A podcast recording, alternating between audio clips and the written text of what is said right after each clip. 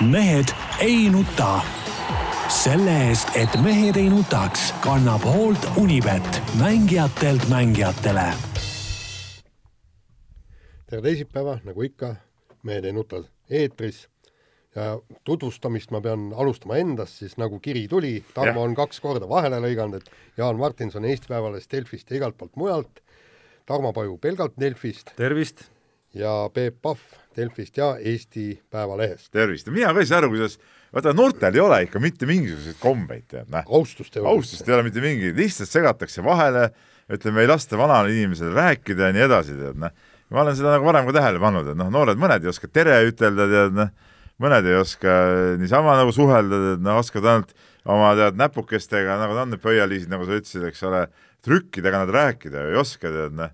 Et, et mõnele, mõnele noorele inimesele vahest helistadki telefonis, et ega sealt ka ju õiget, õiget sõna nagu välja ei tule, tead, et, et noh, see, noh, nii ongi. Ja noh, Tarmo on tüüpiline selle noore põlvkonna hiigelesindaja lihtsalt, tead, no anna, anname talle siis andeks, noh, kui ta on juba selline. ma tänan jah, vähemalt äh, mul on hea meel selle üle, et on mingi seltskond, kus saab tunda ennast ikka nagu endiselt ja igavesti väga noorena, et et äh, muudes, muudes oludes siin elus ja tööl ja, ja igal pool noh, mida aasta edasi, seda rohkem äh, avastad ennast ikkagi kümme või kakskümmend aastat nooremate inimeste seltsis, aga vähemalt siin on asi, asi klaar. ei no euronoor sa olid ja euronooreks sa jääd, noh, siin ei ole midagi ütelda. nii, kui no rääkida eks see, natuke eks see vahepealne aeg oli ilmselt natuke sisse ikkagi nagu juurdunud, vaata, siis sa ise siin kuidagi nagu kõik öelda ja kästa ja puua ja lasta, et noh, see raske on nagu sellest mikrofonist lahti lasta. ja noh, püüa. no ma püüan, püüan. No täna ma olin juba täitsa rahulik. Äh, mis vahepealsest ajast äh, tahaks südant puistada, on see, et, et just eile äh,, eile lugesin äh, jälle ja järjekordset äh, oopust sellel teemal, eks, et, et meie maasikakasvatajad ja kõik muud äh, viljelejad on hädas, et, et töölisi ei ole, on vaja Ukrainast tuua ja, ja just see, et, et Eesti inimene ei ole valmis äh, nagu seda tõsist maasikakorjamise tööd te, äh, tegema. mul tuli kohe ju pähe, mul on mitu õpetajat, kes käivad suvel Soomes maasikaid korjamas, selleks, et palgale lisa teenida. Eh, mis nüüd võiks Ja- Eestis korjata. just abs, absoluutselt. Ja, ja aga ma arvan, et, et kogu probleem on selles, et äh, nad saavad seal paar-kolm korda palka vähem siin kui Soomes, et see on põhjus, mikspärast nad siin Eestis ei jah, korja. üldiselt ongi häda ongi selles, et ega eh, majandust üritatakse ehitada üles mingisuguse orjatööle ja, ja tasuta tööle sisuliselt, et siis ongi nagu, nagu häda käes, eks ole, noh. just, teine asi, mis me räägime praegu noortest, ma tõesti ei oska öelda, kuidas need noored tööga hakkama saavad, kuigi noh, ma arvan, et, et on, on terve seltskond noori, kes, kes suudab ja, ja, ja teebki väga kõvasti tööd. kui meie omal ajal malevat tegime, eks ma olin äh, kaks aastat olin äh, komissar ja, ja komissar komissar jah, seal oli komandör ja ei, komissar. ma, ma saan aru, saan aru, komissar kõlab nagu ikkagi nagu sihuke noh, just. See oli vana parteiliste sihuke no,. nii, eks ta eks nii see Malev oli ka parteiline no jah, see oligi ideoloogiline, Ideoloogiline, vend aga seal oli see, et, et näiteks kui meil oli tõesti heinategu, et siis vennad panid hommikust öö, peale, noh, see ei olnud noh, kuskilt niisugune mitte päikesetõusust, aga hommikust peale panime tõesti kuni pimedani välja, eks. Tulid need öö, heinapallid tulid sinna küüni ette, poisid siis võtsid hangudega, viskasid kõik need sinna ülesse ja siis tüdrukud ja veel osad poisid siis panid need ilusasti nagu kuhja. Ja see oli tõesti raske töö. Ja vennad tegid seda tööd ikka täitsa tõsise ja himuga ja meile leiti, ikka tööd tehti kõvasti, aga mis on, iga kuu me saime umbes noh, pakun välja kaks Eesti keskmist palka kätte malevlane. et vot see ongi selle põllutööga teenis toona ja, ja rügatigi kõvasti tööd ja ei no see, kuidas rügati, ma ikka mõtlen, ma poleks omal ajal äh, naiski saanud, kui ma poleks äia talus äh, ütleme heina hangunud seal hommikust õhtuni, nii et käed pidid otsast ära kukkuma, tead, Jah. et kogu hein tehti tol, tol ajal käsitsi, noh, niideti muidugi maha ja aga aga siis äh, vaalutati ära ja siis äh, hanguga auto peale, autoga laka ette, autost lakka seal, no see, see töö tegemine oli ikka mingi meeletu, tead, seal poleks üldse mingit juttugi olnud, seal tuli ikka ennast tõestada kõigepealt, praegu peaks ka niimoodi olema. ja mul on ka ju tütar, eks ole, noh, seal tahab tulla väim, vaesed no jumal, ega ega seal tuleb enne ikka tuleb ikka tõestada ennast nagu töörindel, tead noh, ja küll ma seal enda juures seda tegevust leian, tead noh, mul on seal hea paepinnas seal näiteks vaja mõni kraav võib-olla kaevata või kangiga sisse lõhkuda või, või mida iganes, eks ole. ma arvan, et tuleb stseen otse, kes... otse filmist Suvi, kus Kiir läks sulaseks Tootsi juurde, et seal, seal teooria ja praktika hakkavad niimoodi käsikäes käima. väga käsikäes käima, nii et, et need kõik, kes siin ütleme, ütleme viieteist aasta pärast umbes tahavad siin ütleme äh, väimespoisi kandidaadiks tulla, siis need pangu juba praegult nagu ennast nagu valmis selleks kõigeks, et noh, nii peabki olema. jah ja siit jah, siis põllumeestele üleskutse, et, et pange välja kuulutused, et kõik, kes te lähete ja plaanite minna Soome maasikaid korjama, tulge meie tallu, me maksame sama palka. ja see Soome see viiruste pesa ka võrreldes Eestiga, et ei olegi mõtet sinna minna, et parem, parem möllame siin, siin Eestis lihtsalt, tead, väga, väga õige, tead. Noh. ja, ja, ja, ja, ja ma tahan öelda, siin sai palju kriitikat, see, see, et siin äh, minister Aas keelas ära siin tead mõned, mõned lennud jälle õige otsus minu arust. Stockholmi, noh, mis tere hommikut, tead. see on eriline koroonapesa ju, noh, kuidas saab sinna üldse lennata. see jutt, et sealt ei tule selle lennukiga ainult rootslased, see ei päde. kõik, kes sealt tulevad, kõik on ohuallikad meie jaoks. loomulikult kinni, loomulikult kinni need kohad, et siin meie ka siin kolleeg siin öö, pahandas Raimo Poom, eks ole, noh, ma ütlesin, udujutt, et noh, loomulikult tuleb kinni panna, tead, ja ei mingit, mingit reisimist siin paneme siis praegu selle Pribaltika piires siin ja, ja, ja ongi kõik, tead noh. et või noh, nendest riikidest, kus tõesti on nagu asi on kontrolli all, aga mitte niisugusest haiguspesast nagu, nagu Rootsi, see Rootsi tuleb üldse ära, välja lõigata praegu maailmakaardi seest. ja seal on ei no, sinu, sul on nii vastakad sõnumid iga kord, et kord on sul äh, täiskarantiin, siis on asi tegelikult läbi juba sisuliselt. oota, sa ei saa aru asjadest, näe. täiskarantiin oli siis, kui olukord oli äh, kriitiline, nii nüüd Eestis ei ole enam olukord kriitiline, nüüd on nagu läbi, nüüd võib pöörduda tagasi normaalsesse ellu Eestis, aga Eestis, mitte seal mujal, kus on eh, probleemid jätkuvalt üleval, noh. väga lihtne, väga lihtne loogika. aga sa, noh, vaata, see on see noore mehe, tead, noh, pea laiali otsas, tead, noh, eks siin tead, ega see abielumehe staatus ka on vähe olnud ja tead, võib-olla seegi veel siiamaani mõjutab ja noh, eks see on, tead, noh. arvad, jah? jah ma varem ei hakka, hakka siin täpsustusi küsima. ühesõnaga, ma sain aru siin taustal, äh, lahendades siin ühte äh, väikest tehnilist probleemi, mis ilmselt ei luba meil tänase saate lõpus kahjuks viktoriini teha. et siin üks kõva rohi on rohelisem ja oli rohelisem ja kõik jutud jõudsid äh, vanad mehed omavahel varjamatult kuidagi ära rääkida. ilma, et ma suutsin liiga palju süveneda siia taustale, et õiged jutud olid need. nii. nii, aga paneme nüüd spordiga vist ja. edasi, eks äh, meil on Eestis professionaalne jalgpalliliiga, hurraa, aplodeerime. mispeale Eesti koondise üks väravavahtidest, eh, Sergei Leppmets, otsustas minna tööle muposse, sellepärast patrulliks. patrulliks eks noh, põhimõtteliselt see kõige, ole, oleks mingi ülemus või midagi, eks, aga see on see kõige nii-öelda madalam mupo koht ja sellepärast, et seal on elu rahulikum, teenib rohkem või siis noh, teenib no, sama hea töökoht, nagu ta ütles. jah, hea töökoht ja,. jah ja. ja., no kuulge, see, kallid inimesed, see ei ole tõsiseltmõeldav. Ma saan aru, et, et mingisugused noh, noored jogad, kes istuvad pingil või, me räägime ikkagi Eesti koondise väravavaist. esiväravaist, ütleme, viimased paar hooaega. just. et selle, selle uudise taustal Aivar Pohlaku jutt, mida ta kogu aeg rõhutab mingist professionaalsest jalgpalliliigast, Aivar, no tere hommikut, noh mis, mis, jutt see on, mis professionaalne liiga, kus palgad on ju sisuliselt olematud ju noh. palgad on sisuliselt olematud ja et kui mees eelistab mupo tööd nagu, et see on nagu parem töö, ma küsisin, kuidas see palk on, noh, et, et kindlasti pole see väiksem kui jalgpallurina, no kuule, ma ei, ma ei taha uskuda, et mupo patrullid nüüd teenivad mingeid, ma ei tea, mitmeid tuhandeid eurosid. sellest oli, mingis loos oli juttu sellest tegelikult, äh, mis palkadest seal räägitakse, et et seal räägiti tuhande kahesaja kuni tuhande neljasaja euro suurusest põhipalgast, pluss võimalusest kõvasti ületööd tehes siis võimalik, et teine samasugune palk sinna juurde veel teenida. no teadmata täpselt, mis on Leppmetsa töötasu äh, jalgpallurina, siis nii palju, kui ma eile õhtul äh, teadjamatelt üritasin küsida, see võiks olla siiski selles suurusjärgus, mis on see nii-öelda koos lisatööga ja ületööga mupos saada palk, et mulle tundub, et see asi ei ole nagu ainult siiski selles, selles kuidas öelda, et, et jalgpallurina see elu nii kehv on, vaid see kogu see sündmuste jada, see palgavähendus seal vahepeal, äh, mis ilmselt Leppmetsa puhul oli eriti karm, sest tal on vist palju lapsi ta- peres, eks, mis tähendab, et, et seal läksid ka suusad mingit pidi, pidid nagu risti minema jaa ikkagi., aga isegi kui sa oled jalgpallurina. aga suures pildis on lõpuks kõik selle olukorra kaotajad loomulikult, Eesti jalgpall kaotas äh, hea mängija, Levadia kaotas hea mängija ja Leppmets äh, ei saa hetkel vähemalt, vähemalt mõnda aega teha tööd, ma arvan, mis on tema tõeline kutsumus. jaa, aga kuule, kui jalgpallur Eesti koondise esiväravat teenib jalgpalliga ma ei tea, isegi kaks tuhat viissada eurot kuus, see on ka nali ju, see on ka nali ju kokkuvõttes ju, mis palk see on? mis palk see on sportlasele, tippsportlasele Eesti koondise esiväravail, mis palk see on? nalja teed või?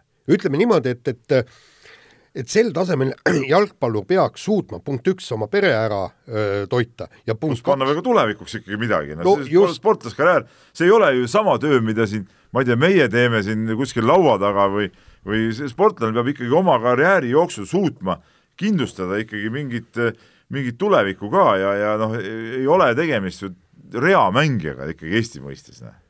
et see, see, see on nagu, siis taguda vastu rinda, et meil on siin professionaalne liiga, no jumala küll, noh. jätame niisugused jutud küll ära. kuule, põhimõtteliselt aga- sama võib ju öelda siis, et meil on ka professionaalne korvpalliliiga, sest ka viimastel pingipoistel makstakse vähemalt bensiiniraha, no ka makstakse midagi. no ma arvan, et äh, selles mõttes teete jalgpalliliigale nagu liiga natukene, et äh, kindlasti on ka Eesti korvpallikoondislasi korvpalliliigas, kes äh, teenivad täiesti samas suurusjärgus või väiksemas see ongi jama. rääkimata võrkpallist, see ei ole mitte jama, vaid see on reaalsus lihtsalt, ega see raha, kui seda raha ei tule peale rohkem, kuidas sa maksad siis rohkem? ei kuule, aga siis ei ole mõtet, siis ei ole mõtet igal pool kuulutada, et meil on täisprofessionaalne liiga, täisprofessionaalne liiga. korvpall ja võrkpall ei räägi sellest niimoodi, aga jalgpallis räägitakse kogu aeg, et meil on seanss, mis mingi palgafondid ja mis see, see on ju mingi, see on ju pisku kõik ju noh. no see kuulutamine minu arust äh, kõlab teie suust ka nagu seda kuulutamist oleks nii palju. on, on, on, Pohlak ütleb iga, igas asjas ütleb seda välja. kuulutamine pigem on olnud, et me tahame jõuda ei, ei, täisprofessionaalse et meil liigani. juba on. jälgi, jälgi, mis Aivar räägib. no võime faktikontrolli Ja- mõttes pärast välja võtta need konkreetsemad, aga see aga see ei ole minu arust põhipoint, et põhipoint on ikkagi see, et ma arvan, et me selle kriisi ajal hakkame aina rohkem neid samu olukordi nägema. ja ma kardan ka, ma kardan, et sama asi joob ka korvpalliks, ma tean, et paljud korvpallurid käivad tööl praegu. et, et loomulikult, kui äh, me räägime kuskilt kõrgemal tippspordis, kus teenitakse sadu tuhandeid ja miljoneid, et siis äh, ühe kuu või kahe kuu või kolme kuu palgavähendus või selle palga üldse mitte saamine, noh suures pildis ei, ei, ei ole nagu suur küsimus, on ju, kõrvale on pandud piisavalt, aga kui me räägime sellest, sellistest tasudest, mis on ikkagi seal toimetuleku piiri peal juba, eriti veel, kui sa oled paljulapselise pere isa ja vastutad selle pere eest, noh siis selge, et sul juba seesama ühe kuu viiskümmend protsenti teeb ikka, paneb ikka eriti korraliku põntsu, kui sul on veel kohustused, laenud, mis iganes asjad peal. et siis need väga valusad valikud eh, tekivadki, mis mind natukene imestama paneb, on ainult see, et nagu Leppmetsa tasemel ja Levadia tasemel juba ei suudetud seda asja nagu ära klaarida kuidagi niimoodi, et et leitakse ikkagi äh, äh, lahendus, et ühe või kahekuise probleemi järel juba nagu jõuti nagu nii kaugele ja nii suure, nii suurte käärideni, et see palk, täispalk oleks pidanud ju nüüd ikkagi nagu edasi minema see, see, mida ta muposse nagu nüüd tegema läks, oli nagu pigem ju mingisugune selline nagu suuskade risti mineku koht, kus ta tahtis nagu lisatööd teha, sellega, sellega ei oldud nõus, et ta professionaal enam ei ole ja, ja siis kuidagi plahvatas see asi kuidagi laiali. jah, aga vaata, seal on see asi, et, et kui, kui klubi käitub nii nõnda, noh, paratamatusest või mitte, siis mängijal, kellel on tõesti suur pere taga, tal ei ole kindlust.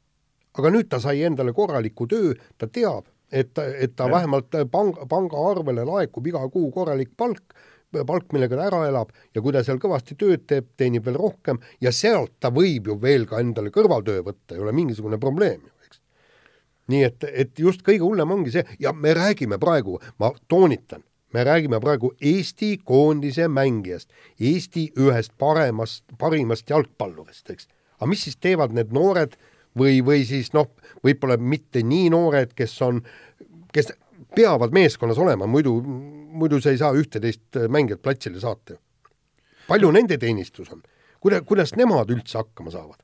noh, mingi väike lootus võiks ju olla, et see, et see olukord on kuidagi ajutine ikkagi, see Leppmetsa olukord, et kuskil on ju ka teised klubid, sellised klubid, kelle jaoks ütleme siis amatöörväravavaht puuri panna meistriliigas on okei okay,, või kuskil on ka, ma ei tea, Florad ja ja Paided ja, ja Nõmme Kaljud ja sellised meeskonnad, et ja välisklubid, et kuskil avanevad üleminekuaknad, et, et et võib-olla nagu see jalgpallikarjääri ring ei ole nagu Leppmetsa jaoks suletud siiski. aga selge ka see, et Leppmets ise isiksusena on ka nagu suht keeruline persoon ja, ja noh, tema karjäär on olnud suhteliselt kirju ja ja jutt ka sellest, et mingit muutuse vajadusest, noh, jättis ka niisuguse natuke no küsitava mulje, et ega see selget sotti muidugi päris ei saanud, et, et mis mis muutust ta silmas pidas ja, ja ta ei ole kõige jutukam mees ausalt öeldes, ütleme nii lühilausetega vastava inimesega ma pole ammu rääkinud. jah, kuigi slaavi eh, inimesed üldiselt on jutukad. jaa, aga noh, seda on ka varem öeldud, et ta räägib väga-väga vähe ja kidakeelset ja ja, ja nii, nii sisuliselt oligi, noh. Äh, aga jalgpalli juurde, kui me juba tulime, siis tuleb vist väike hurraa ka püsti panna.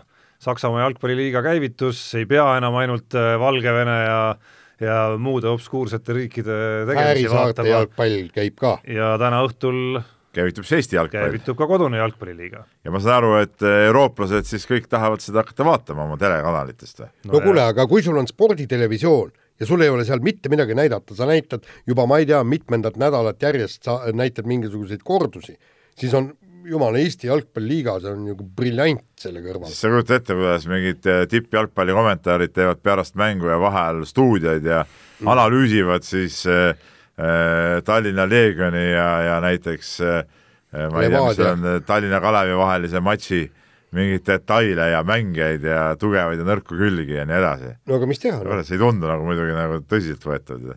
ma tunneks ausalt ma ei, ei viitsiks isegi seda Saksamaa jalgpalli vaadata niimoodi rääkivat mingist Eesti jalgpallist, et noh. noh. no ma arvan, et see huvi võib-olla rohkem isegi kuskil seal ma ei tea, kas see televaatajatel nii suur on, aga võib-olla see kihlvekontorite maailm on see, kus nagu rohkem ollakse huvitatud, et siis on live-panused ja kõik teemad tulevad kohe no, mängu, et et võib-olla see äriharu on siis see, mis võib-olla elavneb eriti kõvasti, et noh, isegi, isegi sina oled hakanud siin panustama, Valgevene ja ma ei tea no ma olen lihtsalt seda nagu pungi pärast nagu tead, noh no aga ma arvan, et, et, et, et suur janu on seal sektoris ka ikkagi, et tekiks lõpuks päris sporti. okei okay,, tegelikult muidugi eurooplaste jaoks Eesti liiga sama punkt kui kui meie jaoks siin Valgevene või Tadžiki või ma ei tea, mis iganes, Kirgiisiad, et noh et noh, see sama tase tegelikult. noh. jaa, aga, aga samas muidugi äh, selles mõttes tuleb jalgpallile äh, ikkagi aplodeerida, et nad suutsid punkt üks välja kaubelda võimaluse, punkt kaks, nad äh, on paika pannud väga täpsed reeglid, neil on seal kõik meditsiiniline teenindus, kõik mõõdetakse temperatuuri, kõik pidev testimine käib, et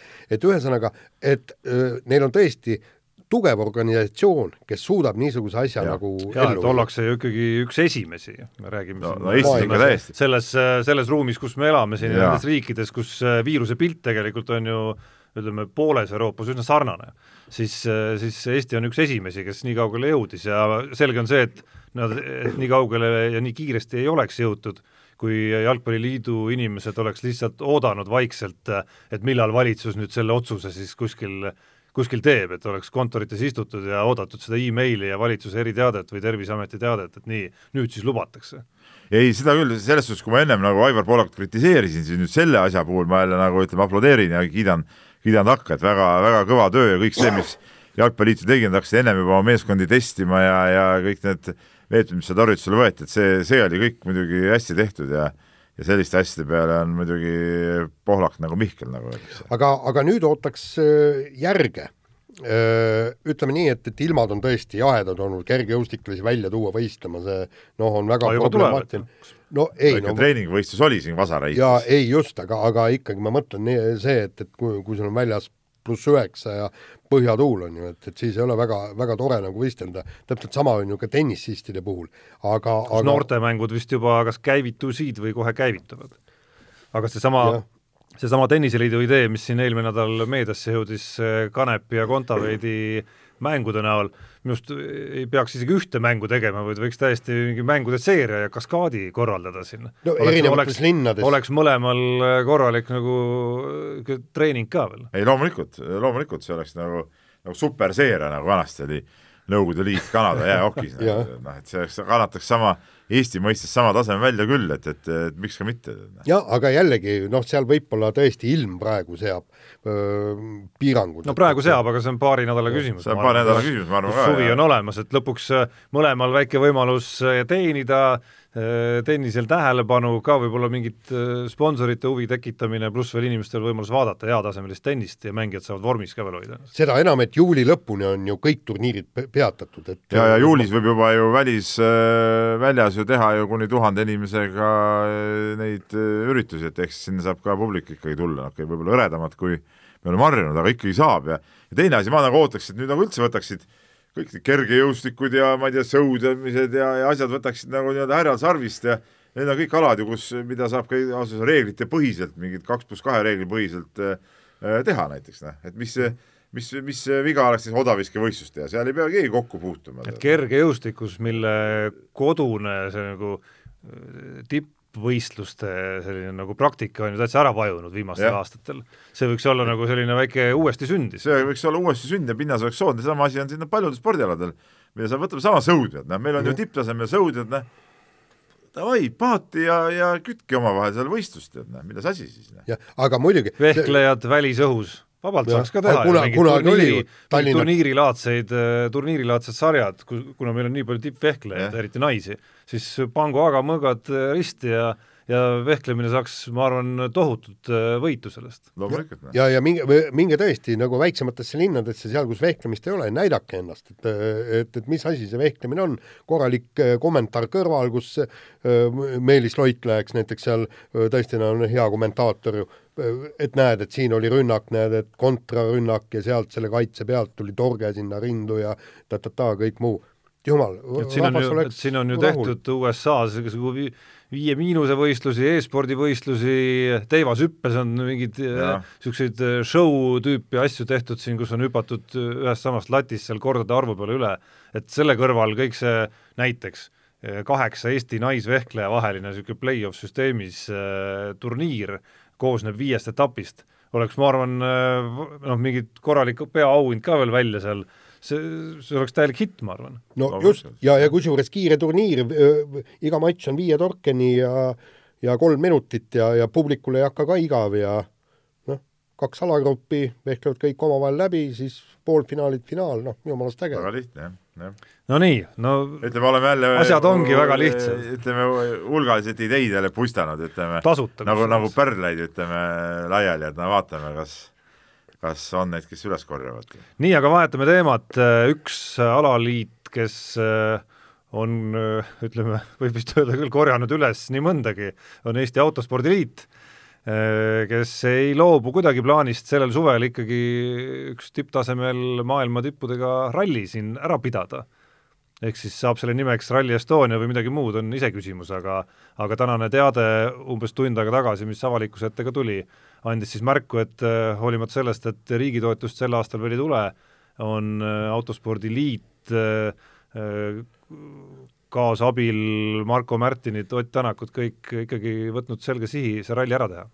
no ma ei tea, kas seal kaasabil on, aga, aga, aga eesmärk on Ott Tänak sinna starti saada, et, et see oleks vast kõige suurem, suurem kaasabi sellel üritusel.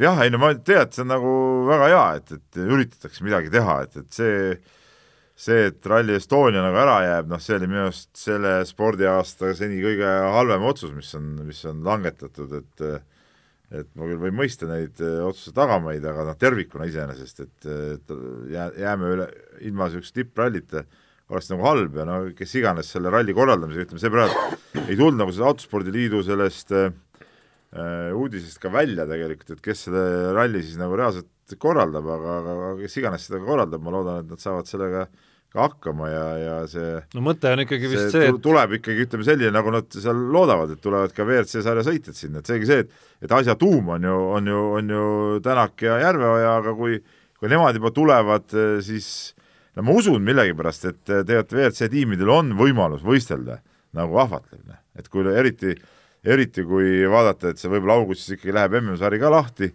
mingil määral, noh siis eh, jumal, see oleks ju sisuliselt noh, ütleme, kuidas ma ütlen, nagu normiväline test ju tegelikult. no mõte vist on ikkagi see, et Autospordiliidu sisse, kes iganes need inimesed on, tekib, tekibki seesama ürituste korraldamise või tipptasemel ralli korraldamise üksus, on nii? No ma ei oska öelda, sest praegu Autospordiliidus ju tegelikult ju äh, pole üldse inimesi tööl, koroonakriisiga nad ju koondasid kogu selle seltskonna sealt ära ja, ja ja, ja kes või mismoodi seda tööle hakkab, seda, seda ma ei oska öelda, et ma ei tea, kas see on nagu hea, kõige parem variant, kui alaliit ise nagu seda nagu korraldab, et nad ilmselt äh, oleks mõistlik, kui nad leiaks ikka mingid, mingid korraldajad, aga no.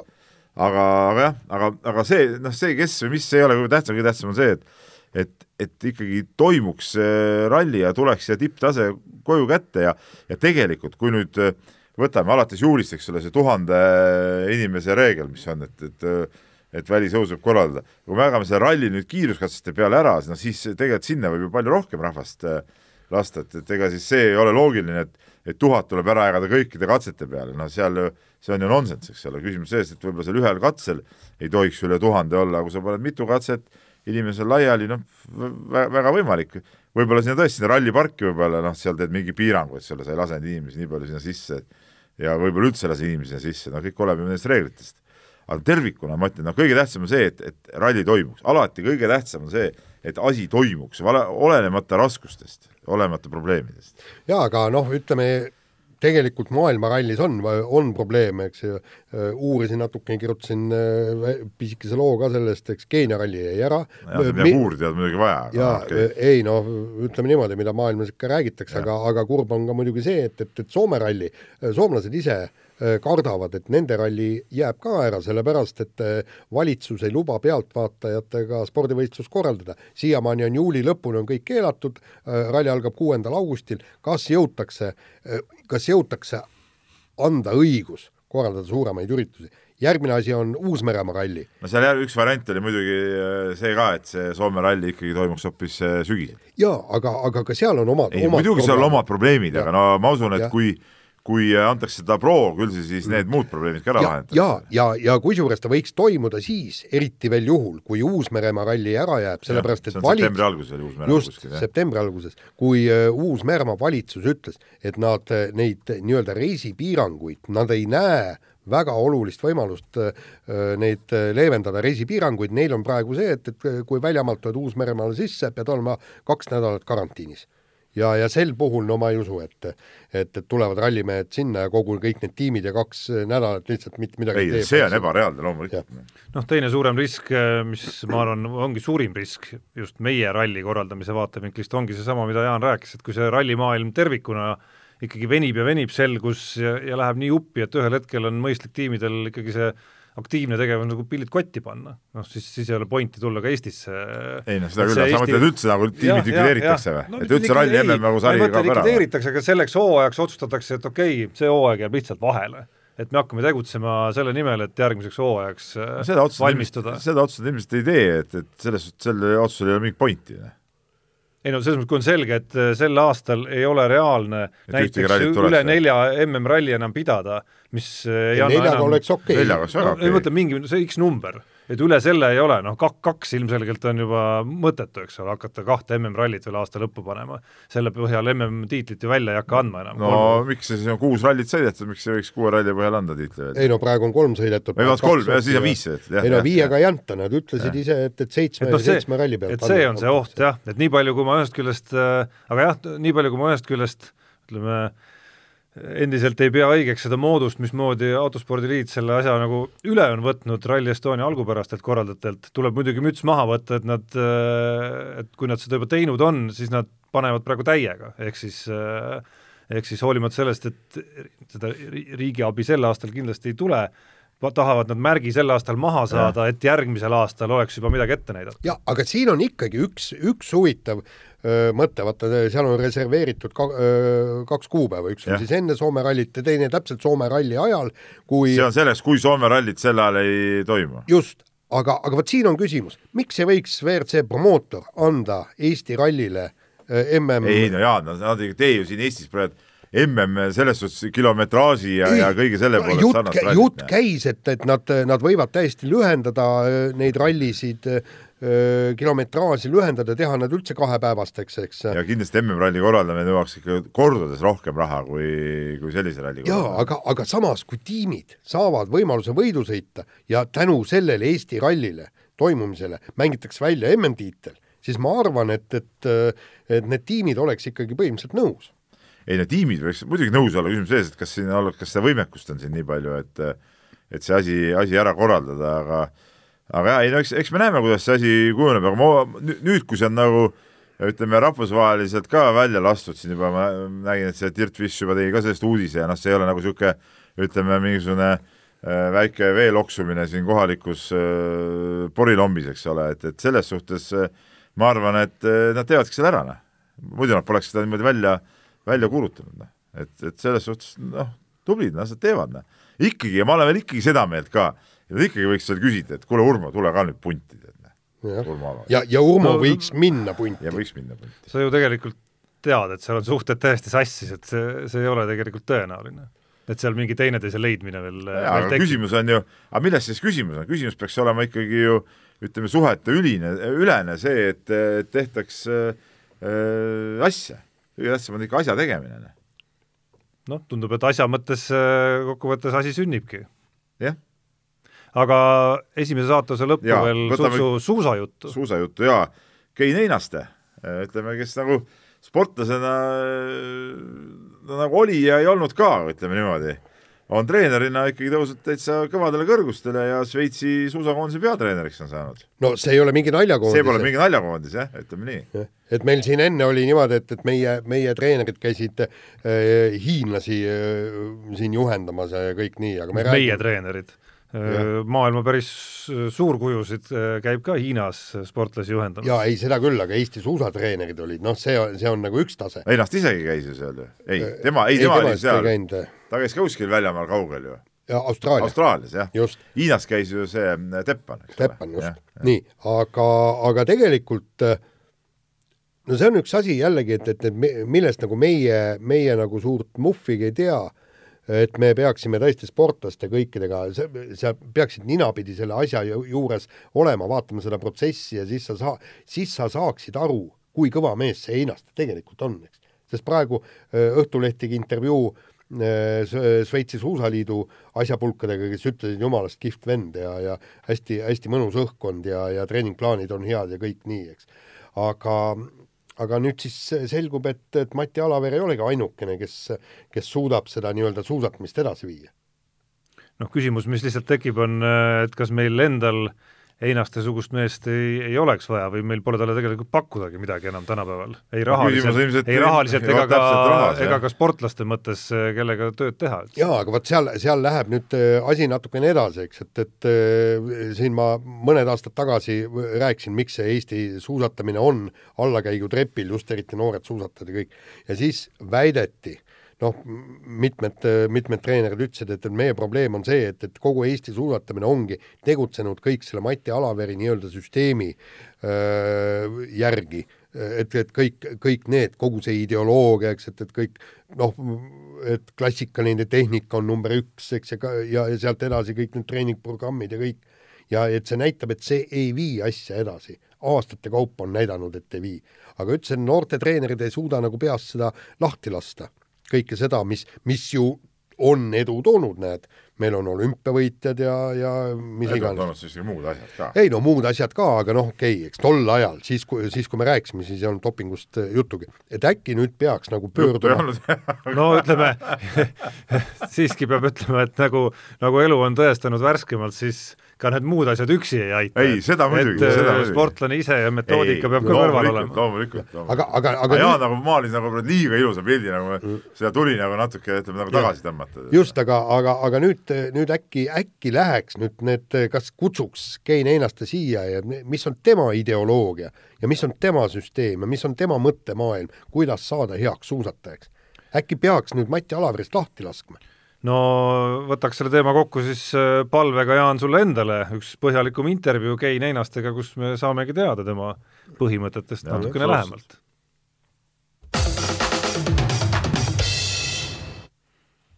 nii, lähme nüüd kiire vahemänguga edasi Andres Sõber andis teada ühes intervjuus, et kahe tuhande viieteistkümnenda aasta korvpalli EM-i eel toimus Pärnus justkui hobuste väljanäitus kui kõik aeti sinna kuhugi kinno kokku ja siis oli mingi muu palagann seal toimus. Ja kusjuures seal tehti ka veel mitmeid vigu, et seal toodi nagu öö, sinna treenerite staffi öö, inimesi, kes ei oleks pidanud seal võib-olla olema ja, ja seal kõik, kõik muud asjad. Ja, ja tegelikult ega ta väga õigesti ütles välja, et, et see oli ausalt öeldes niisugune paras komejant mäletate, täpselt ja, sama oli, kui me, kui me Türgi EM-ile saatsime, siin oli kuskil, vist oli lauluväljakul, lauluväljakul, ei, Raekoja platsil. Raekoja platsil, mitte lauluväljakul, jah, jah. see oli üks kõige rajumaid äh, üritusi ja mitte heas mõttes. jaa, aga no ütleme, see äh, ma kuulasin ka, see ei olnud mitte intervjuu, see oli, see oli, see oli meie podcast. konkureeriva väljaande podcast, korvpalliteema podcast, mida ma ka kuulasin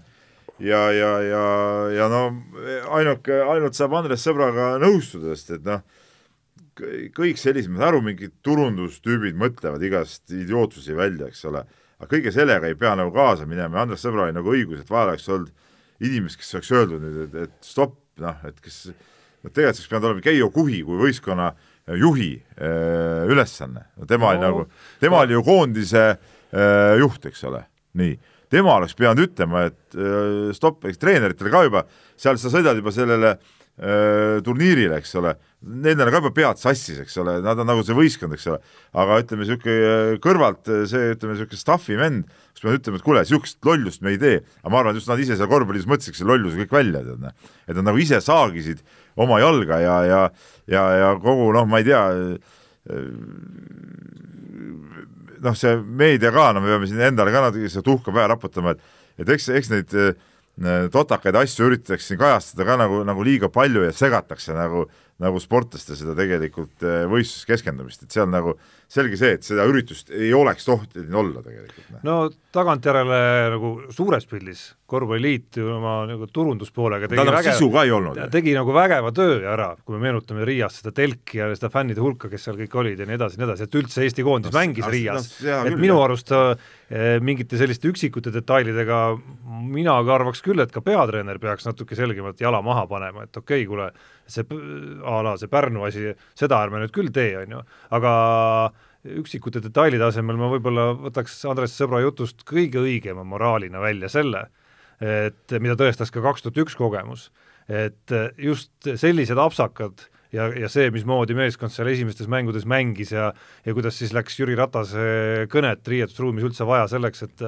et hümni mängimise ajal siis mehed üksteise nii-öelda kaelakuti kinni võtaks, noh mis on täiesti elementaarne asi tegelikult ju ühe, ühe võistkonna juures, eriti veel rahvuskoondise juures. Äh, on see, et just need apsakad on need, miks on äh, vaja tekitada kõigepealt regulaarne finaalturniiridel osalemise kogemus üldse, et, et siis tekiks ka mingisugune võime õppida nendest, et noh, ka, ka nende aastate vahel, kaks tuhat üks ja kaks tuhat viisteist oli ilmatu aeg, mis tähendab, et seal nagu neid inimesi, kellel justkui see kogemuste pagas oleks olemas, noh sisuliselt ju ei olnud, on ju, ja ka toona tehti ju igasugu uskumatuid asju ju korraldati seal, käidi Prantsusmaalt kolakaid saamas ja Mustvees mingis laagris ja mingid äh, finantsilised teemad, mis seal kõik suusad läksid risti alaliidu ja mängijate vahel ja ja küll seal äh, oli treenereid, kes äh, režiimi ei pidanud ja, ja kõik mingi täielik kaos. see paneb muidugi kõik ühte patta, no ma ei tea, kas nüüd ütleme, kontrollmäng ja treeninglaagri, ma sellega nagu nõus ei ole, et need on nagu mingid halvad asjad ja tuleb oma kolakad kätte saada, aga see peab olema tasakaalus, peab olema Äh, tugevaid vastaseid, sul peab olema niisugused vastased, keda sa ka ise võidad, et sa saaksid mõlemad need tunded kätte ja, ja treeninglaager on äh, noh, seda ma ei oskagi öelda, et see mingi halb asi oleks, et laager on on tegelikult hea ja laagris peabki käima. ei, ma ei öelnud laagri vastu midagi, lihtsalt äh, detailid detailideks. aga, aga, põhimõtteliselt, ei põhimõtteliselt ma olen nõus muidugi, seal, seal oli ka palju, palju jama ja mõlemal korral on palju jama, ütleme rääkimata sellest, et mängijal reaalselt oleks see kogemus all ja. juba ükskord, ega kui me räägime siin äh, ma ei tea, Michael Jordani dokist, on ju, mille, millest ma ausalt öeldes olen endiselt väga vaimustuses, siis ega tal läks ka aega, enne kui ta hakkas neid otsustavaid mänge võitma lõpuks ja kui see meeskond hakkas otsustavaid mänge võitma, et see ei käinud niimoodi, et et esimesest päevast oligi võidumeeskond sündinud. päris pikalt läks aega kusjuures. eks see võtab ka.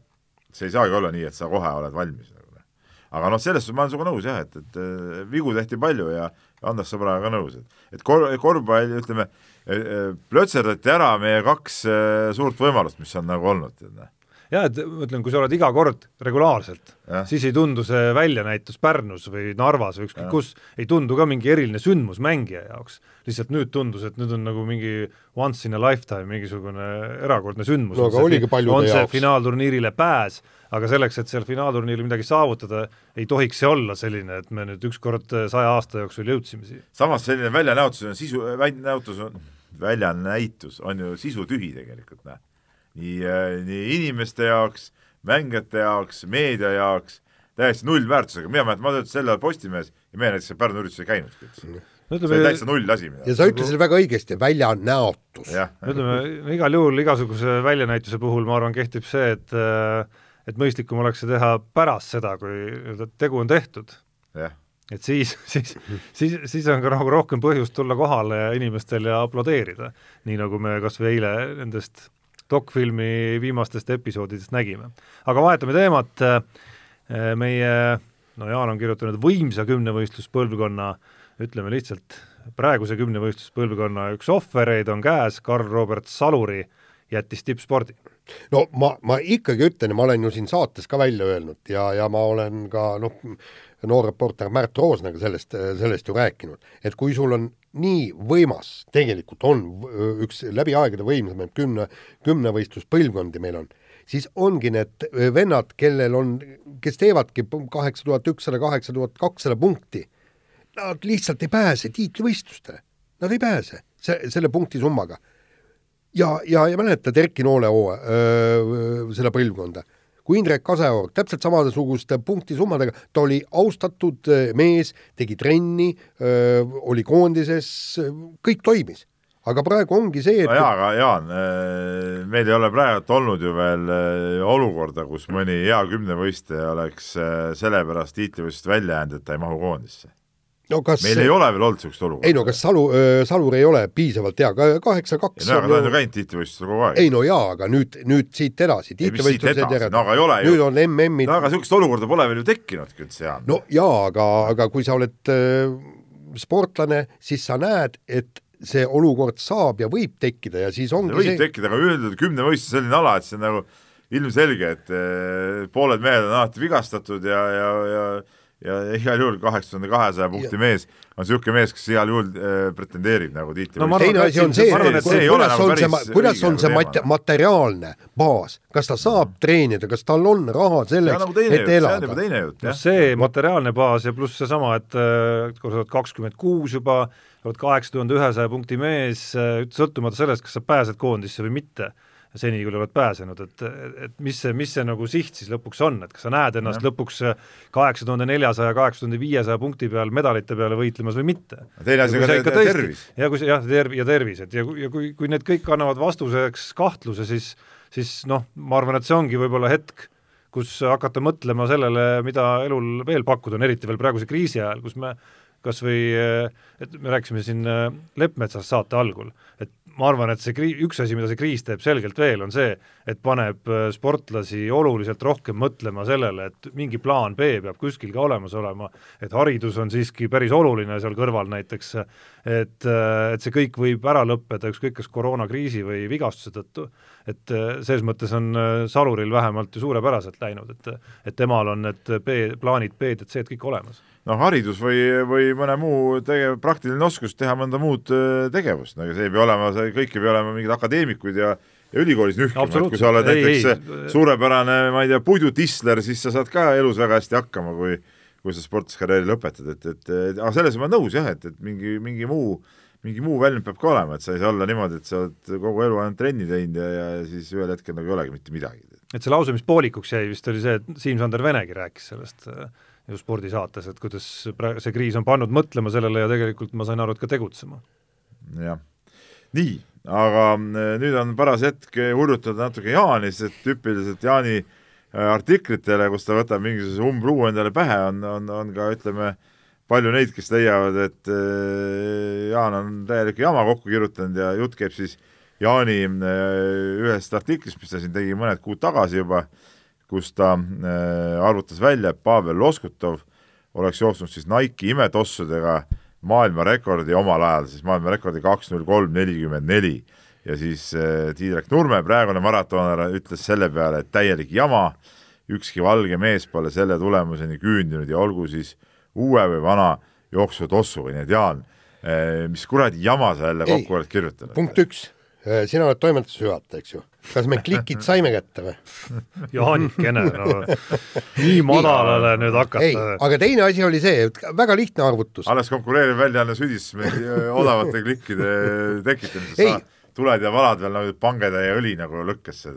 asi oli ju väga lihtne, et äh, Ameerika äh, no ma ei ütle, et nad teadlased olid, aga eksperdid tegid ju kena arvutuse, et mehed, kes jooksevad aegu vot sinnakanti, eks, pealt kahe tunni natukene, nemad parandavad uute tossudega neli protsenti oma tulemust. nii, ja võtsimegi siis Loskutovi tulemusest neli protsenti maha ja mis siis alles jäi, just täpselt see kaks null kolm nelikümmend neli, et samas see protsent, Jaan, ma olen ka paari lugu lugenud, oli küll mingi vahemik, mitte absoluutselt neli protsenti. ei, ei, nende ne,, nendel oli, ta oli, noh, tähendab, ütleme, keskmine protsent oli. Neil oli keskmine, vastavalt sellele, et milline on su jooksuaeg olnud ja, ja, ja, ja siis vastavalt sellele mõned ju parandasid viis kuni kuus protsenti. nii no,, aga, aga, aga, aga see jutt, et, et ükski valge mees pole selle tulemuseni küündinud, ega ei ole jah, aga, aga kes ütleb, et, et Loskutov poleks küündinud nende tossudega? nojah, et Nurme lihtsalt äh, õigustab ennast. jah ilma asjata, noh, et kõik need tolleaegsed valged mehed oleksidki kaks null kolm mehed olnud ega Loskutov ei olnud omal ajal kiirem valge mees maailmas. muide, seda, seda ju imestas ju ka äh, Tanel Kangert äh, selles Riho Suuna raamatus, küsis, et kuidas see on võimalik, et sääraste ratastega sõita meeskonnasõitu, nelja mehe meeskonnasõitu, äh, üle viiekümne kilomeetri tunnis keskmist.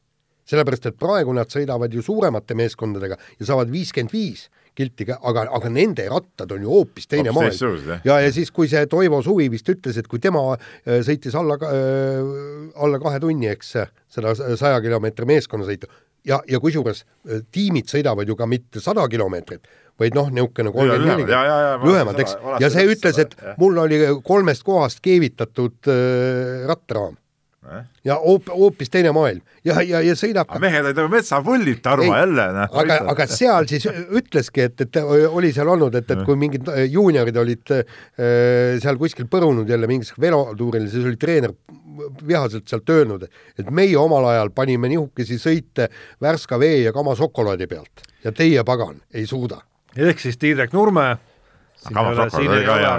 siin ei ole, tegemist äh, mingi valearvutusega, vaid lihtsalt selle aja mehed olidki kõvemad, muud midagi. Kama šokolaad, ma pean küll ütlema oli lapsena maitses küll, aga ma olen hiljem just see tuli korra välja, siis ja, ja, ja hiljem proovinud ja ei nüüd äh, ausalt öeldes ei aga on see praegu ka müügil või? minu arust on. mul tekkis isegi praegu nagu huvi jälle. jaa, minu arust ta ei maitse enam ja. nii nagu lapsena. okei okay.. aga muide, ja, ja siia veel, eks, kuidas vanad mehed olid nagu metsapullid, oli Jüri Tamme maailmarekord ja ja, ja Jüri Tamme Eesti rekord, milleni ei ole, maailmas ei ole inimesed ju selle, selleni küündinud. ja siis oligi, omal ajal tehti trenni rohkem, kõvemini. nii ongi nii, võtame järgmise teema. Janari Jõesaar äh, ütles, äh, oli vist Postimehes, et tahab siirduda Euroopa tippliigasse ja, ja mul tekkis kohe küsimus, et aga milles siis küsimus, kas keegi keelab või? et siirdugu, jumala eest. ma nimme jätsin selle sisse, kui ma õhtul need teemad järjestasin Jaani sõnastuses muidugi, et ta saaks ise sisse ka veel juhatada ja küsimused püsti panna no,. aga ei olegi midagi. muidugi siirdugu. jah et, et minu meelest see, see jutt oleks pidanud olema, näed, ma siirdun tippliigasse. jah, no hetkel me küll näeme pilti ilmselgelt äh, ja mitte ainult Euroopa korvpallis, kus hetkel ei siirdu keegi väga kuskile veel. et kõik ootavad ikkagi, et, et mis üldse edasi saab ja, ja, ja millal ja kuhu üldse on võimalik siirduma hakata. aga järgmine küsimus, me räägime Euroopa tippliigast, kas see VTB ei ole Euroopa tippliiga või? Mis on siis äh, tippliigad no,? Itaalia, Hispaania no, kindlasti. VTB on kindlasti Euroopa tippliiga, et selles suhtes see ongi nagu niisugune imelik äh, imelik äh, jutt alati, et noh, ega VTB-st väga palju kõvemaid liigasid Euroopas polegi. Noh. jah, lihtsalt VTB on selline nagu mõnes mõttes teistmoodi ja mitmekihilisem, et ühest küljest sa ikkagi oled kodus ja teisest küljest veel oled, VTB sees on nagu kaks omaette liigat ka natukene veel, kus kus ühes on need absoluutsed tipud sinust äh, nii-öelda eelarvetel on nullid ja lõpus ja võib-olla kaks nulli. no jaa, aga ega siis äh, tasemevahe on igal pool ju noh ja, ja no lihtsalt juba legionärina minek tippliigasse on noh, mingi teistmoodi kogemus natuke. ma loodan, et Jõesaar läheb veel uuele ringile ja, ja aga, aga samal ajal, kusjuures ma vaikselt hellitan lootust sedasama Siim-Sander Vene klippigi vaadates, et äh, mõnedki Eesti koondislased, kes on siin nui neljaks tahtnud väljas olla, äkki ikkagi leiavad just nimelt äh, selle kriisiga nüüd tee tagasi nagu koju. et miks mitte Vene ei võiks vahelduseks ka Kalev Cramos VTB liigas ühe hooaja teha. tähendab, et, et äh, Vene on VTB liigas Venemaa võistkonnas juba mänginud ja see oli Niisi Novgorodis, kui ma õieti mäletan. vist vist oli Niisi Novgorod võime üle kontrollida, aga, aga, aga, aga just, et noh, ta ei ole mänginud nii-öelda nagu suurt ja. mängu veel noh, selles mõttes Kalevas. jaa, ei muidugi, muidugi, muidugi.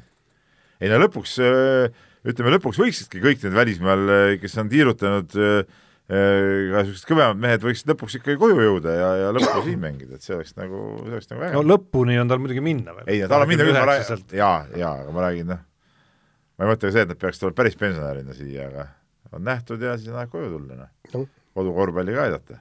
Müürsepp sai ju Kalevist kunagi NBA-sse, nii et aga kiire vahemängu lõpetuseks äh, on selgunud, äh, millal ja kus valitakse EOK uut presidenti, äh, see toimub siis kaheksandal juunil kell kolmteist Kadrioru staadionil ja kui ma seda pealkirja nägin, juures oli ka pilt vist Delfi uudisel, kus Tõnu Tõniste kätekõverdusi tegi, tekkis tunne, et kas tehakse kümnevõistlus ära või kõik alad läbi või noh, seal saaks, seal poleks hääletada vajagi. ei no küsimus on nüüd selles, et väga õige koht.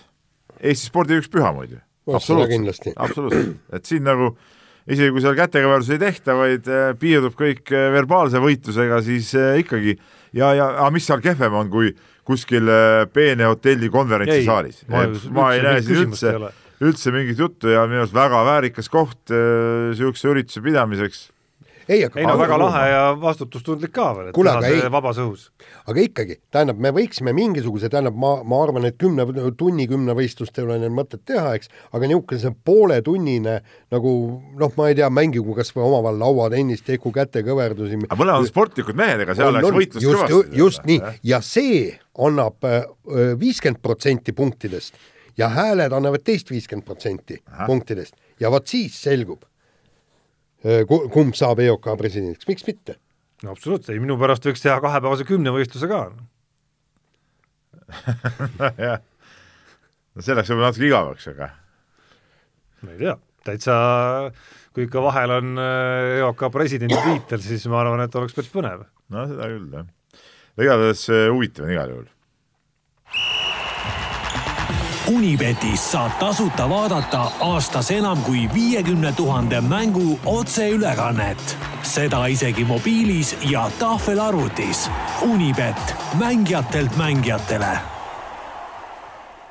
nii, rääkides meie saate toetaja Unibeti ja meie võistluse arengutest, siis äh, on hea meel teatada, et äh, on uus liider, selleks olen ma ise aga ilma palju midagi, aga ilma midagi tegemata. ei, pole kindel, palju sul on? kakssada üheksakümmend kaks. aa, üheksakümmend kaks, okei.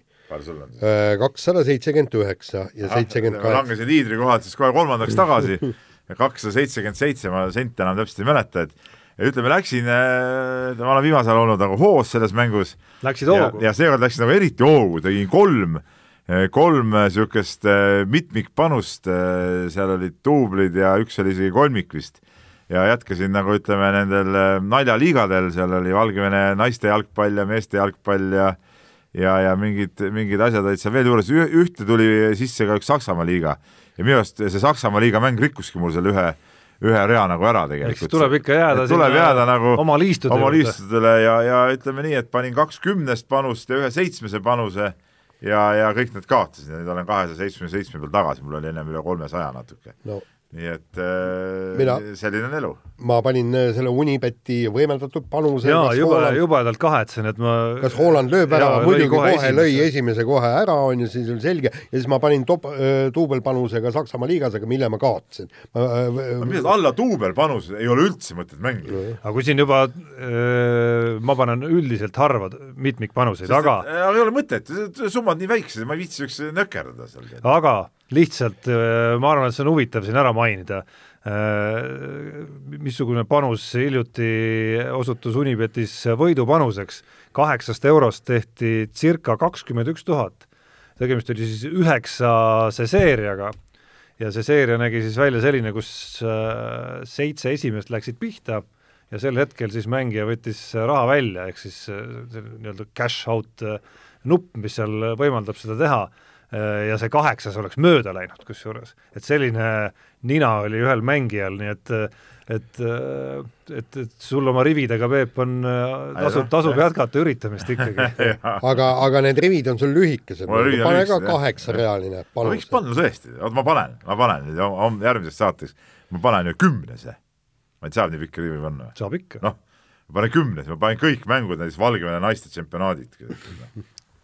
nii, aga Mehed ei nuta eripanus on äh, ka seekord olemas ja täiesti päris spordist, puudutab Eesti jalgpalli ja kas see on päris sport? ja täna oi ei, täna siis Eesti jalgpalli Aivari meistrivõistlused, rusikas praegu tõmbas korraks. ma arvan, et ta ootab sind siin Parda tänaval. Parda kuus, Aivar, võin öelda, aadress. kurat, nihuke sa oled, mitte, et ma ärgitaks, aga lihtsalt vihjaks. lihtsalt jah, meil on need äh, telefonid on ka video juures. ja meil on siin, meil on siin tulemas üks äh, saate salvestus pärast, nii et kaamerad on tegelikult kohal juba olemas ja jäävad sinna ukse peal ootama.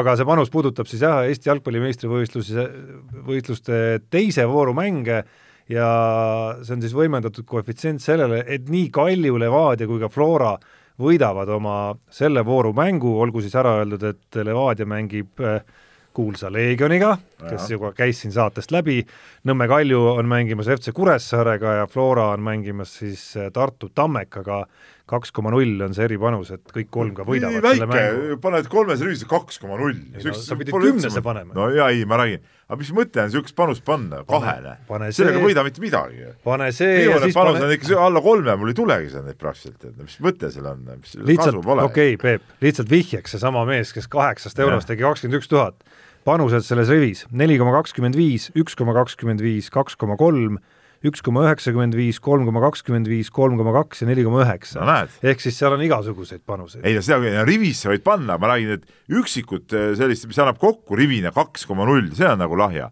et kui sa paned mitu eh, alla kahest kokku, siis saad ka normaalse lõpuks kokku, selles on point. ah, te ei jaga seda asja. ju vist.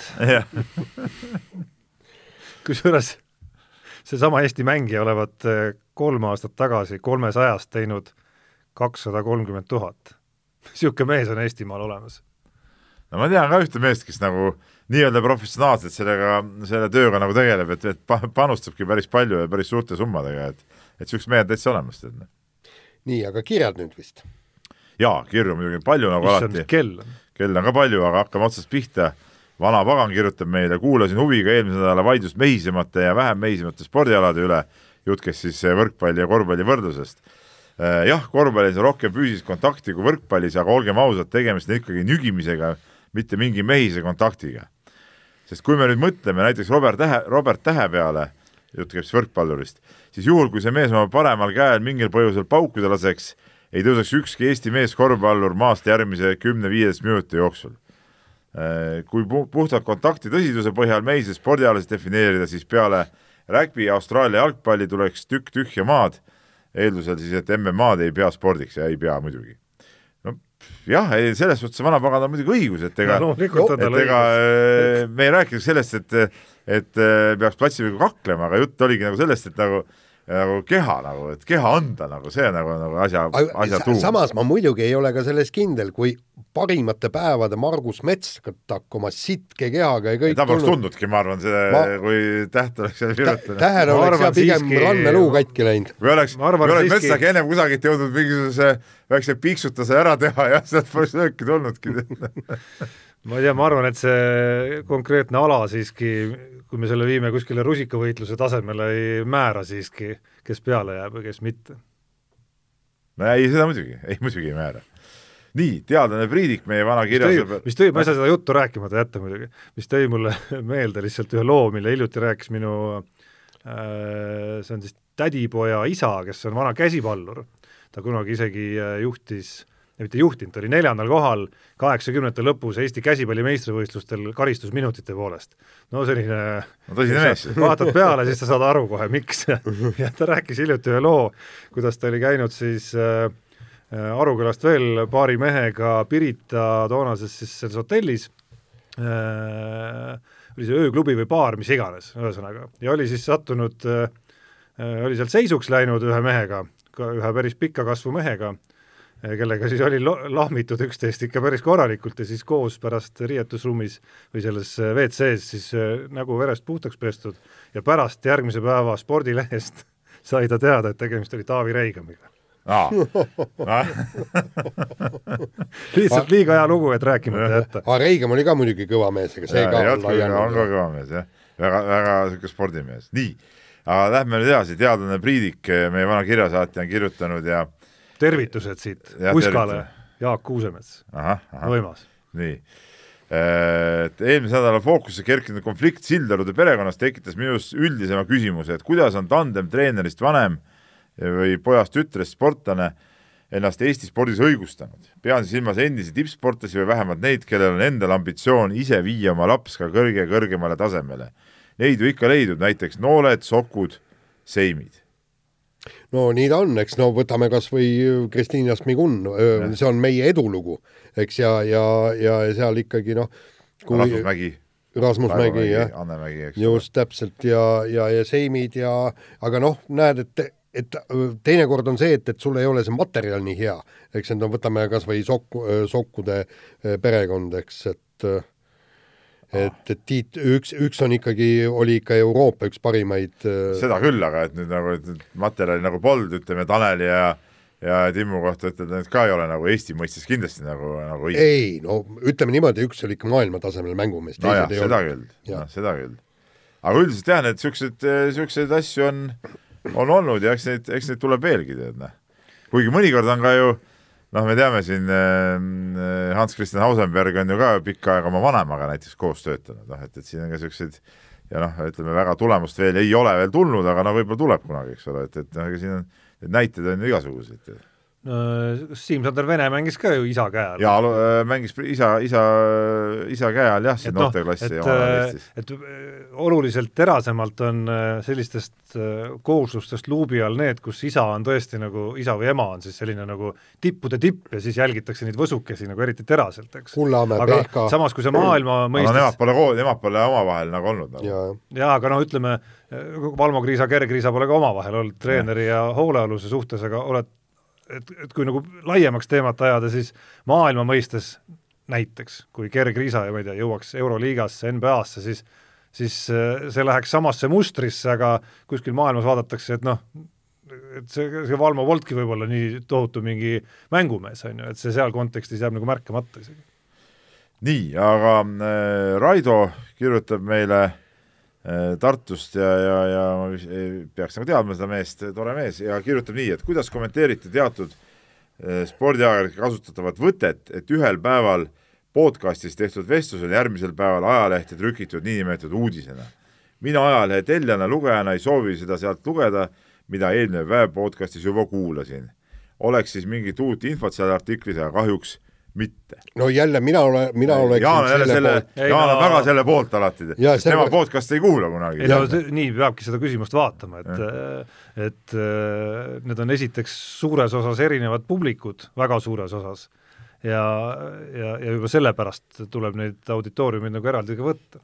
no ma olen ise ka seda võtet paar korda kasutanud äh, aga tegelikult ma oma hinges seda tegelikult väga heaks ei pea, sest et äh, Äh, ma leian seda, et kui sa oled nagu süvaspordihuviline ja kui sind see asi huvitab, no siis sa kas sa kuulad selle podcast'i ära ja, ja, ja loed lehti ka, et, et selles suhtes no see ei peaks võib-olla nii olema, aga arvestades jah, ütleme seda laiemat äh, laiemat äh, lugejaskonda ja kuulajaskonda, siis, siis ütleme, sellepärast on see, on see nagu õigustatud, aga ma tegelikult seda väga heaks ei pea. see Peep ei ole tegelikult realistlik, kui sa vaatad isegi Eesti tänast näiteks spordi podcast'ide maastikku, mulle tundub, et juba, juba on üsna ebarealistlik need kõik ära kuulata. no just seda, ma tahtsingi just seda täpselt öelda, et, et nojah, kas peaksin... sa jõuad kõiki lugusid ära lugeda siis? no muidugi jõuan. ei, jõua ju. miks ei jõua? kuule, ma, ma loen, ma loen selle kaheküljese loe, loo, ma loen läbi mingi kaheksa kuni kümne minutiga, noh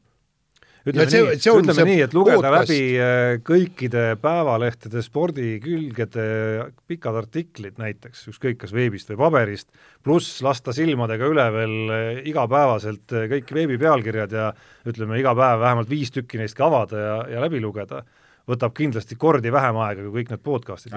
seda muidugi. et selles mõttes noh, et see on, see on kindel fakt. no jaa, aga need ongi erinevad, erinevad formaadid, noh, sellepärast... me ju telesaateid ei tee ju uudiseks ju tead iseenesest nagu noh. no kui sealt äh, saadete seest äh, koorub mingisugune konkreetne iva välja, miks ja me ikka tähendab ei, ma, no okei okay,, ma ütlen ETV-d nagu praegu. Noh. ja ei, oota stopp. nojah, okei okay,, nad veebi teevad, jah. ja, ja nad teevadki veebi ja ma, mina näiteks seda Pealtnägijat juba ammu ei vaata, sellepärast et na, nad kirjutavad kõik selle lahti. Ja kui, kui mul tõesti seal see episood huvi pakub, siis ma vaatan ei, minu arust on ikka õige see, et kui sind huvitab nagu ütleme, raadio, siis sa kuulad raadiot, kui sind huvitab televisioon, siis sa vaatad televiisorit kui sind huvitab lehe lugemine, siis sa loed lehte ja neid ei pea tegema nagu kõike koos. ja, ja, ja vaata, Peep, seal on, seal on minu meelest kuigi ma saan ärilisest aru, ei, ei, Tarmo, ma saan aru, miks me seda teeme. ma ei saa aru, mille vastu sa võitled. ma võitlen nagu põhimõtteliselt. lõpuks on oluline, et see huvitav sisu jõuaks täpselt nende inimesteni, kelleni see võiks jõuda täpselt sellisel kujul, nagu ta tahab, mõni ja. tahab kuulata hoopis artikleid lausa ja kuulabki kusjuures. no see on mingi erinev topp. jaa, aga on olemas neid. veel sellise metallise häälega, ma olen ka proovinud nalja pärast lihtsalt, et mismoodi see ja, ja, kõlab, see, see on täielik õudus kuulda. aga, aga kuidas meie kurdid inimesed seda, seda saavad, no järgmine küsimus. ja, ja kolmas asi, eks vaata, kui, kui on pikem no nemad tarbivad portaale no jaa, aga ja, kuidas aga, ta, kuidas ta podcast'i kuulab, eks. ja, ja järgmine asi on ju see, kui on pikk intervjuu ja, ja selge see, et, et vahepeal vajub ehk see, see jutt ära, seal on võib-olla mitte huvitav teema, lased sealt diagonaalis silmadega üle ja siis lähed jälle huvitava tekstiga edasi, et aga noh, nii ta on. kui kella väga palju, ma ühe viimase kirja võtan, siia meil kirju jääb palju ka käsitlemata ja ja, ja äh, Janek kirjutas meile ja, ja ma pean selle nagu lihtsalt, see teema meil kunagi läbi ka käinud, aga see on vist uuesti esile tulnud, nagu ma siit näen et äh, sattus siis Janek ku-, vaatama äh, saadet Laser ja teema, mida käsitleti, et rahvaste pall tuleks koolis, koolis vältida, mingeid spetsialist tõi näiteid, kui ohtlik mäng see on nii vaimsele kui füüsilisele tervisele lapse jaoks. ma tundsin spetsialisti kuulates, kuidas ma lähen põlema ning tekkis kohe äng, oleks huvitav kuulata teie mõtteid, äh, pluss ja miinus külgedest rahvaste palli ja noore areng isiklik no, arvamus, et rahvaste pall on A ja O ning sisuliselt kõigi muude äh, alade stardipakk. En, enne kui, enne kui te vastama hakkate nii. nii nagu saade algab heietustega, nüüd saab lõpetada ka. ei no mis heietust, te olete sama rahvastepalli mänginud omal ajal või? muidugi olen. noh, ja see on jumala okei okay mäng ja see ongi, see ongi spordialade ja sportmängude A ja O. arendab ju kõike, reaktsioonikiirust, äh, visketugevust, püüdmisoskust, koordinatsiooni kõiki valu asju, talumist, kui sa sinna kolm nurka saad selle äh, meeskonnamängu ja samas ei nõua nagu mingeid tehnilisi spetsiifilisi oskusi, noh, see on, see on ju elementaarne ja ja kõik need, äh, need tondid, kes ajavad niisugust lolli juttu, kes mingisugusesse laserisse tulevad, mingid kuradi spetsialistid, tead, mingi puu taha. minge puu taha, jah, ma ei saa tahtnud praegu välja öelda seda, mis ma tahtsin ütelda, aga see on täielik jamps, no loomulikult rahvaste pall on väga okei mäng. no meil, me, meil oli ju see Tõnismäe tänava hoov, kui, me viie-kuueaastaselt, me läksime sinna, me olime väiksed pudinad ja seal mängiti, seal oli ka garaažide peal oli see äh, rahvastepalli väljak oli ehitatud ja meie olime siis seal taga, kui pall läks äh, kaugele, siis meie jooksime seda palli püüdma, tõime siis sellele kaptenile lihtsalt, lihtsalt kätte, aitasime neid, et saime ja ootasime, me läksime sinna õhtul, lootuses äkki pannakse äkki, siin mäng. äkki saab ka sisse, muidugi. jah, ja kui sa lõpuks said sinna mängu ja, ja sa väga käkki ei keeranud, mine sa tea, äkki said mõne palligi kätte ja ei lasknud ennast nii lihtsalt välja visata, siis valiti järgmine kord ka. Ja see tähendaski seda, et sa oled sinna hoovi vastu võetud, sinna spordipunti. Ja, ja. ja siis järgmine kord said juba jalgpalli mängida ja kõike muud ka. aga mida, kas sa Jaan seda mängu mäletad, mis selle mängu nimi oli? et vaata ringiratast olid ja mängisid nagu võrku onju. Ja kui seks siis läks sinna keskele kükitama. Keskele. ja siis ütleme, vennad üritasid nagu ütleme, üks tõstis üles ja teine Ja ja, surus sinna no, ja- pihta just. sulle, eks ole, ja pani mööda, pidi ise sinna minema. Mis selle mängu nimi oli? pagan, ma ei aru, ma ei mäleta mäleta. seda. ei, aga seda sai kõvasti mängitud. seda sai hirmsasti mängitud, no see on ju, ütleme, mida see, see kuradi spetsialist, mida ta sellest mängust veel arvaks, see on ju täielik ju, ju ütleme, inimese mahatampimine, seal sai ikka valusaid litakaid, tead, või, või teine asi, see, no ma pean ütlema, see persekas, eks ole, mida Jah. mängiti jalkas, eks ole Jah., mida mängitakse, vaata, kui sa öö, lööd ära, kaotajad siis ajavad tagumikku punni ja siis võitjad öö, panevad öö, täiest jõust palliga, noh kuule, ma vaatasin, meil oli post- poiste ja Kossu trenn öö, paar nädalat tagasi ja Statka peal mängis, isegi tüdrukud olid seal pundis tead ja mängisid seda, mis jumala normaalne mängida, see, see käibki asja juurde kõik. kuule, kuule, hakkame nüüd edasi ja räägime nüüd siis lõpuks ka mädamunast, on ju Noh. vaata, mäletad, kui sa oma v- viis eh, kokku said, siis pandi sulle ju nimi. Jah, jah, jah, ja see nimi ei olnud see. ja nimi ei olnud üldse mitte mingi leebe asi. jah, ja siis visati pall jälle õhku ja siis mõnitamine, jälle mõnit-, Jah. kuule kallis spetsialist, tule vaata, seal mõnitatakse igal pool. no sellist hoogu pole ammu siin äh, käima läinud, mehed kütavad üksteist üles siin, et et äh, mulle väga meeldis rahvaste pall jah, aga ma tunnen ka paljusid inimesi, kes tunnistavadki, et, et oligi, mida öeldi, laste trauma või mis iganes asi see on. no et mingi rumalus kes, kes need inimesed on, näita ei no mulle. rumalus või mitte. On rumalus muidugi. minu arust Jaan ise, see rahvastepalli teema tõusis ju üles siin mõned kuud tagasi. sügisel, sügisel ma vaatasin korra järgi, millal see teema oli. et minu arust Jaan ise oli see, kes käis ka selle nagu lahenduse välja, et see oleneb natukene ka sellest õpetajast, mismoodi ta täpsemalt nagu korraldab seda seal Ei, ja mismoodi ta ei, mis võistkondliku- õpetajad, siin ei mismoodi ta seda mängitakse hoovides ja mis ja, õpetaja ja ei Peep, seal oli jutt oli selles, eks, et tõesti seal mõned visatakse nagu kohe välja, eks ta ei saagi nagu oma kehalist koormust kõik, aga meie mängisime punktide peale omal mängida, punktide peale jah, ja,, muidugi. et see, see on see asi. Ja sellega saab väga-väga korraliku koormuse ja saad selle palliga piki molli siis järgmine kord ja paha lugu noh. paha lugu, järgmine kord tõmbad pead eest ära, täpselt, just. vaat nii, nii, me võiksime sellel teemal vist panna veel tund aega Jah. siin otsa. see oli hea kiri, Janek. peame saate lugema lõppenuks, meil on järgmiseks kordadeks seitse vägevat küsimust ees, nii et viktoriin tu- tuleb ka kindlasti veel tagasi, hoidke kätt pulsi peal, millal täpsemalt, seal on tõelist vana kulda, jah, on äh, Peep eelkõige jah, On aga Peep- see on vana kuld, on Peep eelkõige sisse pannud, aga tänase saatele tõmbame siis joone alla. tõmbame. mehed ei nuta. Saate tõi sinuni Unibet, mängijatelt mängijatele